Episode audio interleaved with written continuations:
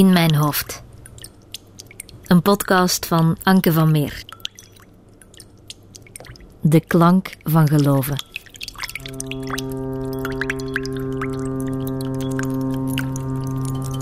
Luister.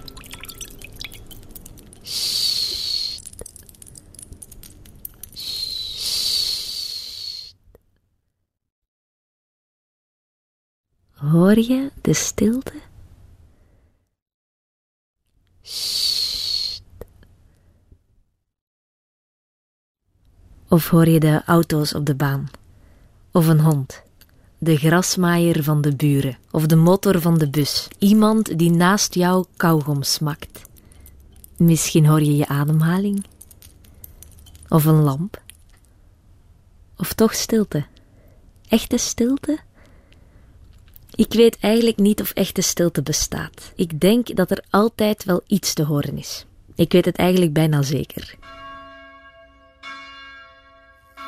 Want hoeveel waarheid zit er bijvoorbeeld in één minuut stilte? En hoe mooi zou het zijn, moest dat toch echt bestaan? Eén minuut stilte over heel de wereld. Alle auto's die stilstaan en iedereen die zwijgt.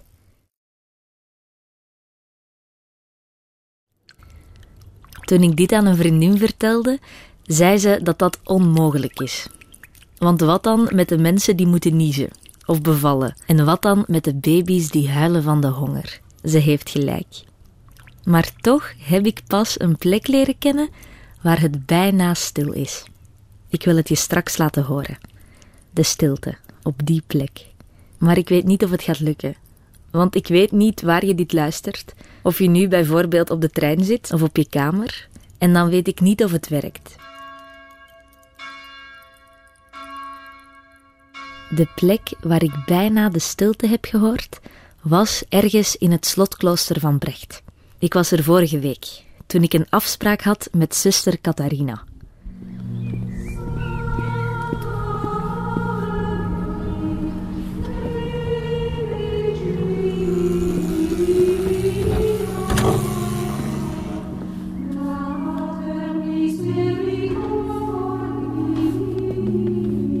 Ik had een afspraak met zuster Catharina. Ja, wacht. Zuster Catharina woont in een slotklooster. Dat wil zeggen dat het gebouw omgeven is door muren. De zusters die hier wonen hebben zo goed als geen contact met de buitenwereld. Slechts vijf keer per jaar mag hun familie op bezoek komen. De dagen vullen ze met bidden en werken in hun eigen zeebedrijf. De zusters leven een geïsoleerd leven, in een heel groot gebouw, waar het soms, heel soms, echt stil is. Ik hou heel veel van de stilte. De zondagmorgen, als ik dan heel vroeg ga wandelen, dan is het stil. Dat kan zo mooi zijn. Hè? Zo. En, en dat kan mij dan zo, zo pakken. Hè? Zo, ook de stilte is eigenlijk wel een geschenk wat we krijgen. Dus ook een geschenk van God zelfs. Af en toe voel je dat zo van, nu is het stil. Als zuster Catharina spreekt, hoor ik hoe groot het er is. Ik hoor een galm. Wat een contrast met die stilte.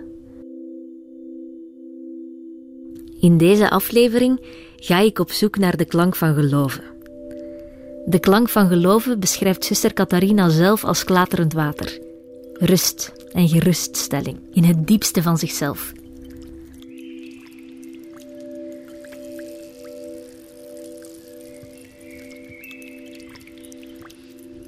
Ik denk dat de klank van geloven ook de stilte is. En de echo, de grootsheid van het klooster.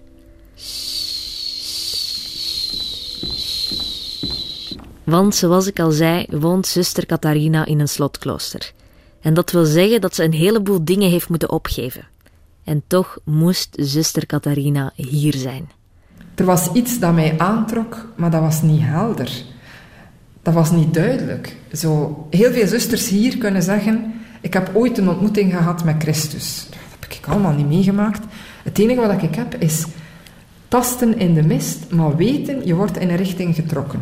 Je kunt dat niet uitleggen van waarom kies je voor die of die persoon. En toch, met die mens wil ik de rest van mijn leven verder. En bij u was dat het, het kloosterleven? Ja, of, en, en dan nog heel duidelijk dit leven hier. Ehm, op deze plek in Brecht. Op deze plek in Brecht. Een roeping dus.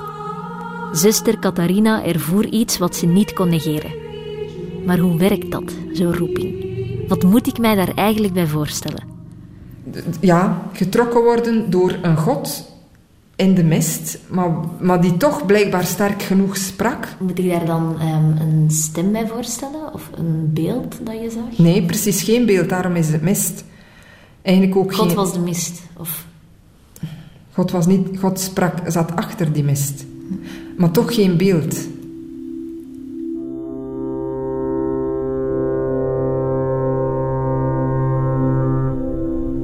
We zitten in de torenkamer van het klooster.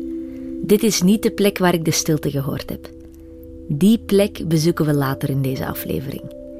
In ieder geval zitten we nu dus in de torenkamer. Als we naar buiten kijken, kijken we naar de rust, naar de uitgestrekte velden. Af en toe landt er een vogel op de vensterbank. Hier, in deze torenkamer, vertelt zuster Catharina over haar strijd met God, over haar roeping. Dat ging niet op één moment. Dus aan die dag dat van mijn intrede hier is zes jaar strijd vooraf gegaan. Dus, uh, strijd? Strijd. Echt strijd, ja, ja.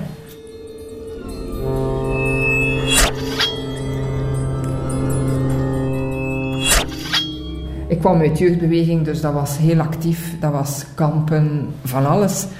En ik dacht, ik nou Brecht bestaan niet. Dat zijn daar allemaal van die heilige boontjes die daar rustig door de gang schreden. Dat past helemaal niet bij mij. Dus... Zo rustig, groot en kalm als dat de klank van geloven nu voor haar is, zo onrustig was de klank van haar roeping.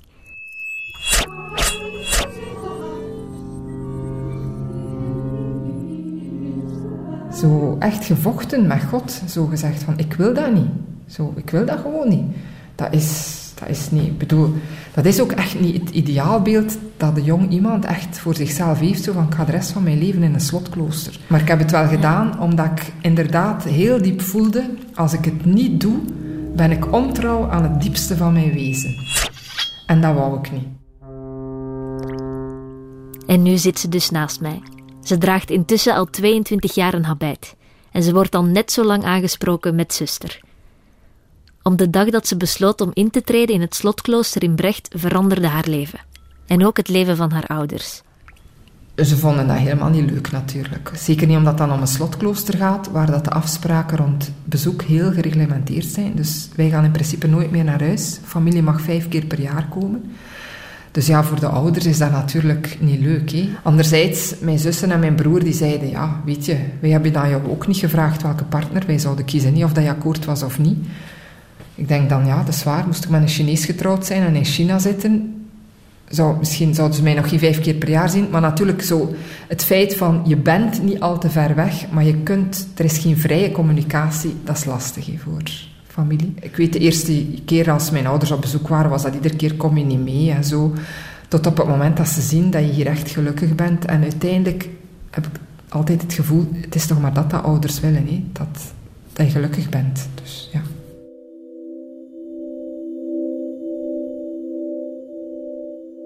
Naar een slotklooster gaan is een keuze die je maakt. Een heel definitieve keuze. Ik zou het niet kunnen. Ik ben sowieso heel slecht in keuzes maken, maar de rest van mijn leven doorbrengen in een slotklooster, familie en vrienden amper vijf keer per jaar kort spreken. Ik denk dat ik zelfs niet zou kunnen leven met die voortdurende stilte. Ik luister te graag naar gesprekken en de echo van de stappen in de gang zou voor mij steeds het eenzame benadrukken. Ik zou mij denk ik ook machteloos voelen. Als er iets is, zou ik niet eens kunnen helpen. Het doet mij nog altijd pijn. Zo, bedoel, mijn ouders zijn nu alle twee bejaard, hoogbejaard. Ja, dat doet mij pijn, dat, ik, dat ik ze niet vaker kan zien. Ik zou er willen zijn voor hen. Ze hebben zoveel gedaan voor ons altijd. Maar ja, dat kan niet. En ja, Nee, ik wou vragen, en je kunt echt niet langs gaan als, het, bijvoorbeeld als het er slechter mee gaat of zo? dan- Ja, toch wel. De dag dat zij niet meer naar hier kunnen komen om gezondheidsredenen, dan zullen wij, zal ik wel naar huis mogen. Maar ook weer niet, niet onbeperkt. Als wij voortdurend of vaak in contact zouden zijn met de familie, zou dat moeilijk Voel je je zijn. soms niet machteloos als ze bijvoorbeeld langskomen en iets zeggen wat minder goed gaat of zo, dat je wil helpen, maar dat dat moeilijk gaat van op een afstand? Eigenlijk niet, omdat ik natuurlijk overtuigd ben vanuit mijn levenskeuze hier dat het gebed het sterkste, vaak het sterkste is wat we kunnen doen. Het laatste redmiddel is vaak het gebed. Ik probeer zuster Catharina te begrijpen. Het kloosterleven zorgt voor haar voor rust en structuur, en dat is waar ze van geniet. Maar het is niet altijd gemakkelijk. Ja, er zijn mensen weggegaan. Het is een, een veeleisend leven. En de wereld buiten is natuurlijk heel bekoorlijk, met alle mogelijkheden die er zijn. Zo, ja, Wat zou jij graag eens doen? reizen. Reizen. Ik reis heel graag. Ik fiets zeer graag. Zo een heel grote fietstocht maken, dat zou ik graag doen. Te voet naar Compostela gaan, daar droom ik van. Zo van die dingen. Ja, zo met vrienden op een terrasje zitten in de zomer. Als het zo heerlijk mooi weer is en acht uur s'avonds en alles is nog in volle actie en dan moeten wij gaan slapen. Dan denk ik, bah. Ja, maar ja, het went allemaal hoor. De keerzijde daarvan is dat als wij... Wij zien het heel het jaar door altijd klaar worden. Altijd. Wij zijn altijd op voordat het klaar wordt. En ik vind dat elke dag opnieuw een mysterie.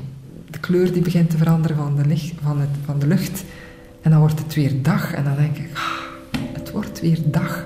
En dan kan ik maar bidden dat voor elke mens weer dag wordt. In alle betekenissen van het woord. Hè. Ja, dat compenseert veel.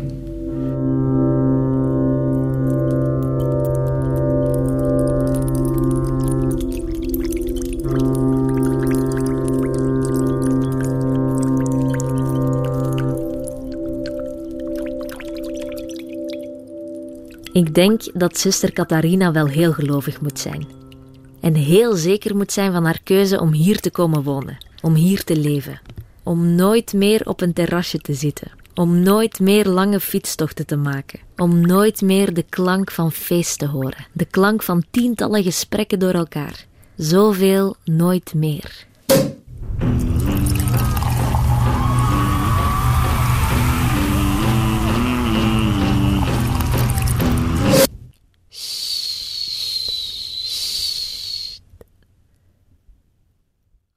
Zoveel stilte. Ik vind het ergens wel mooi dat God en bidden dat allemaal kan compenseren. En de zonsopgang natuurlijk.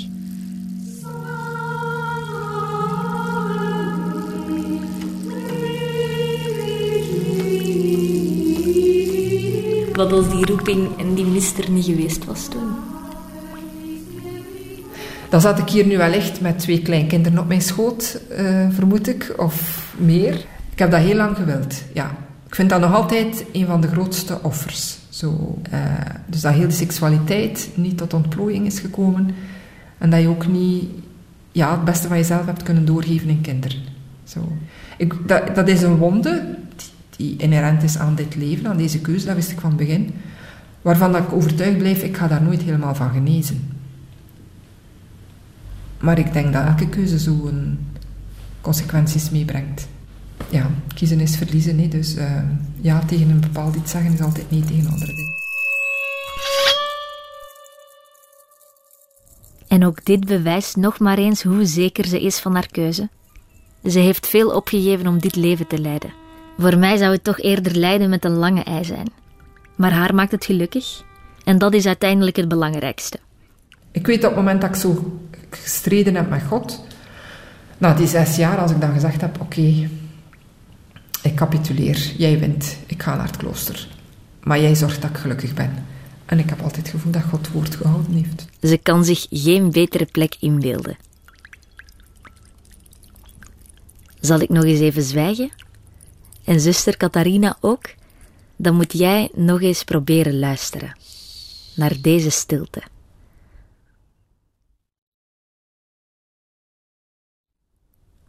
Het is echt onmogelijk, hè? Ik vraag me trouwens af wat je net gehoord hebt. Een andere stilte dan ik in ieder geval. Omdat we op een andere plek luisteren. En als je het morgen nog eens een keer beluistert, hoor je weer iets anders. Ik heb altijd het gevoel, als je buiten bent, dan krijg je vaak applaus. Of dan doe je iets en dan zijn mensen die je bevestigen. Of, of die je goed vinden, of, of je kunt vluchten in allerlei dingen. Dat kunnen wij hier allemaal niet. Dus dat betekent dat je heel sterk naar binnen komt, zo alle franje valt ervan af. Maar hier is dat allemaal gedaan, dus op een duur zeg je dan van, wow, wow, wow, wat, wat ben ik eigenlijk nog? Omdat veel sterker dan we beseffen, leven wij op de aandacht en de energie van andere mensen. Dus hier kom je helemaal op jezelf terecht. Het leven in een slotklooster is niet altijd gemakkelijk, zeker niet in het begin. In het begin krijgt iemand veel post en, en zo, we, we, mogen niet terugschrijven, maar mensen vinden dat aanvankelijk niet erg, maar niemand houdt dat lang vol natuurlijk als ze geen antwoord krijgt. Dus zo alles versmalt totdat je in een heel smalle pijp moet van inderdaad, waar dat je jezelf fundamenteel tegenkomt. Zo van, wie ben ik ten diepste?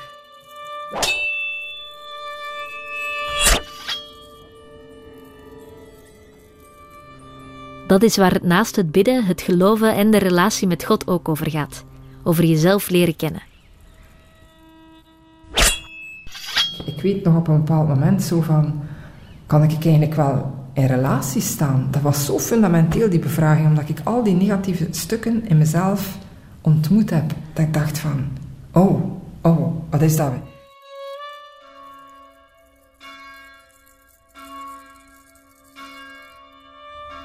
Zuster Catharina zit natuurlijk niet op haar eentje in dat klooster. Ze leeft er samen met 24 andere zusters. 24 andere vrouwen die dezelfde habij dragen, hetzelfde geloof delen dezelfde structuur. Dus wij leven hier momenteel met 25 zusters. 25 vrouwen dus, die elkaar niet gekozen hebben.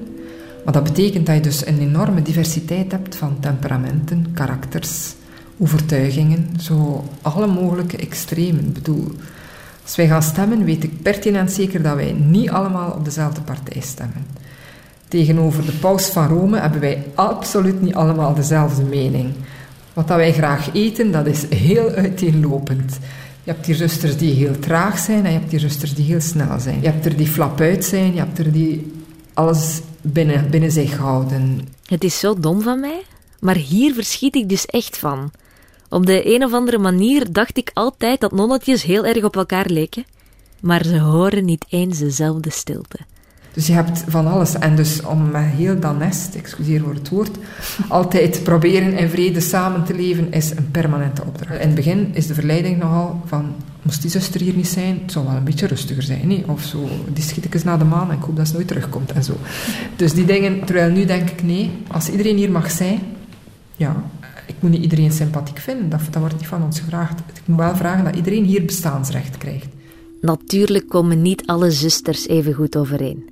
En als ik aan zuster Catharina vraag of het dan niet lastig is dat ze wel steeds met elkaar geconfronteerd worden, zegt ze dat dat eigenlijk wel meevalt. Door de stilte. Ze mogen zelfs niet praten tijdens het eten.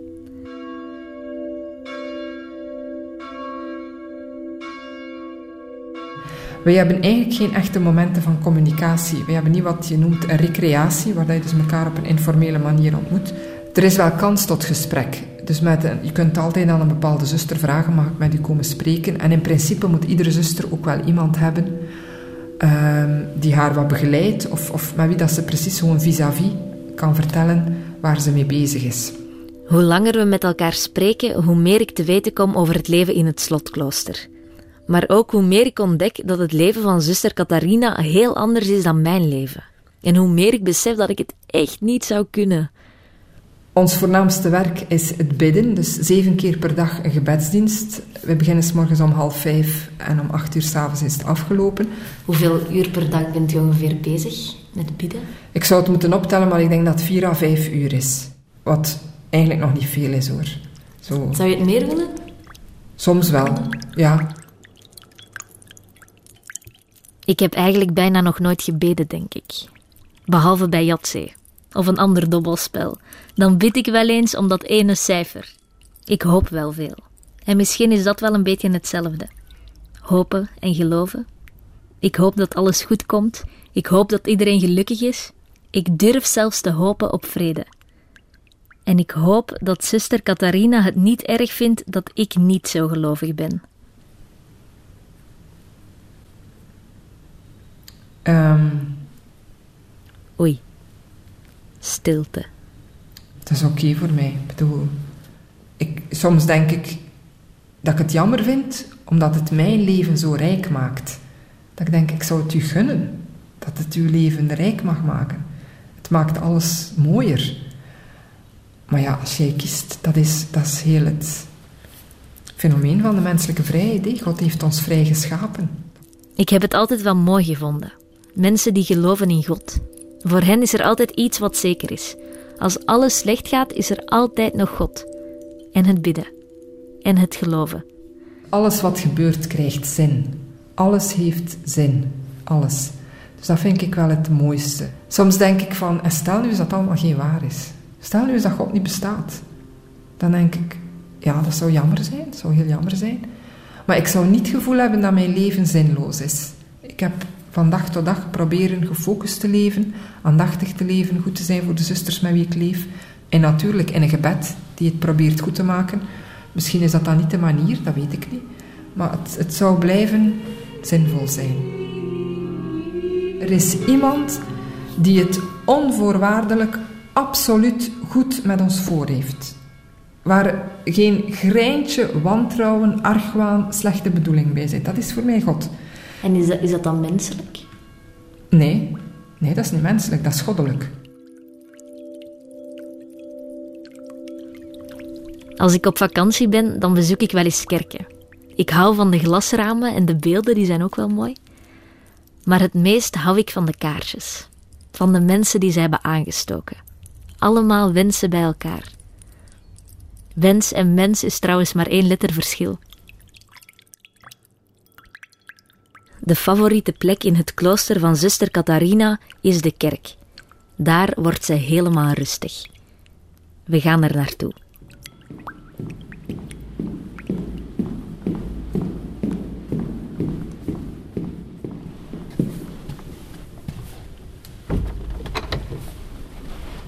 We zijn helemaal alleen in de kerk.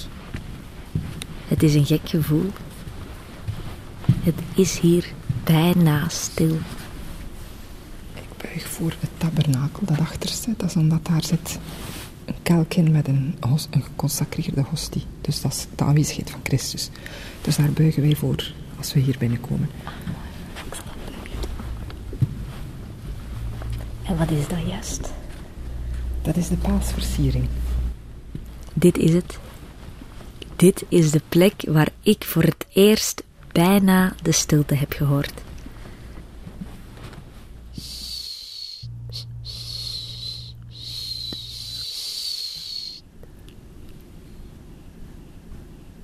Hoor je het?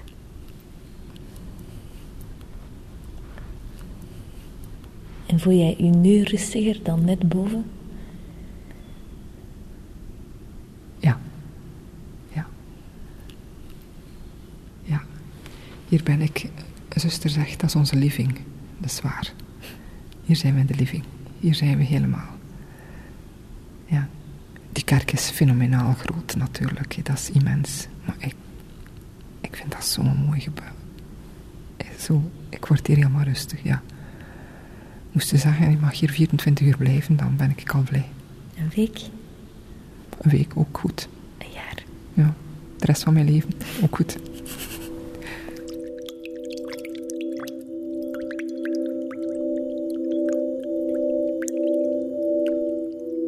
Ons gesprek zit erop.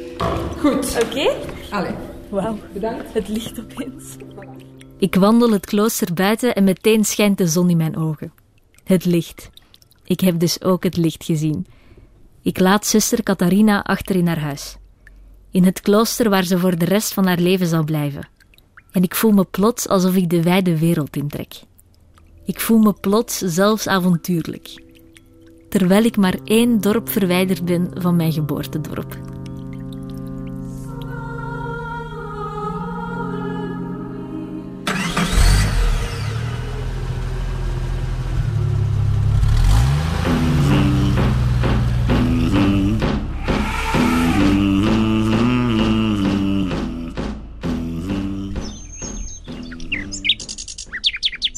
Dit was In Mijn Hoofd, een productie van Radio 1 gemaakt door mezelf, Anke van Meer.